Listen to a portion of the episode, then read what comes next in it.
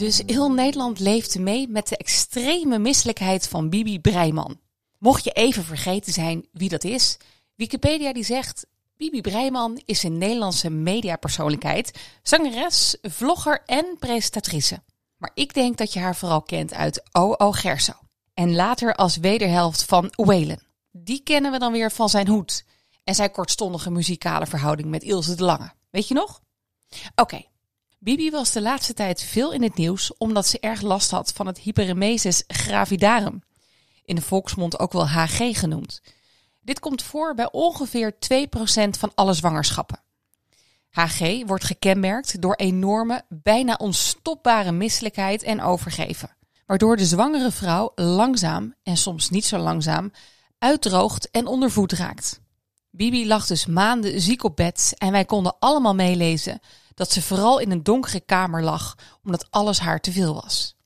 En iedere moeder in Nederland leefde met haar mee. Althans, als je een beetje het shownieuws volgde. Gelukkig is er een mooie spruit geboren en gaat alles weer goed met Bibi. Eind goed, al goed, zou je denken. Maar nu komt het. Bibi is vreemd gegaan tijdens haar zwangerschap. Hè? Hoe dan? Hoe kun je A. vreemd gaan terwijl je zwanger bent en B. ook nog eens last hebt van extreme misselijkheid? Nou, Welen vult het hier even voor ons in. Bibi is vreemd gegaan met de baby. Ze had geen oog meer voor hem en was alleen maar met zichzelf bezig. Al dus de zingende hoed. Maar het verhaal wordt nog gekker. Ga even zitten als deze informatie nieuw voor je is.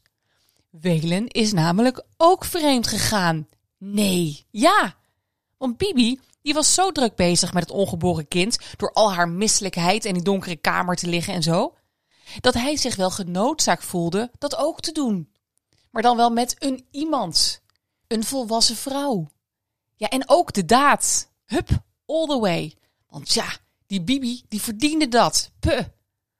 Arme Welen toch. Ik wens hem veel liefde. Zelfliefde ook. Want haar verraad is moeilijk boven te komen.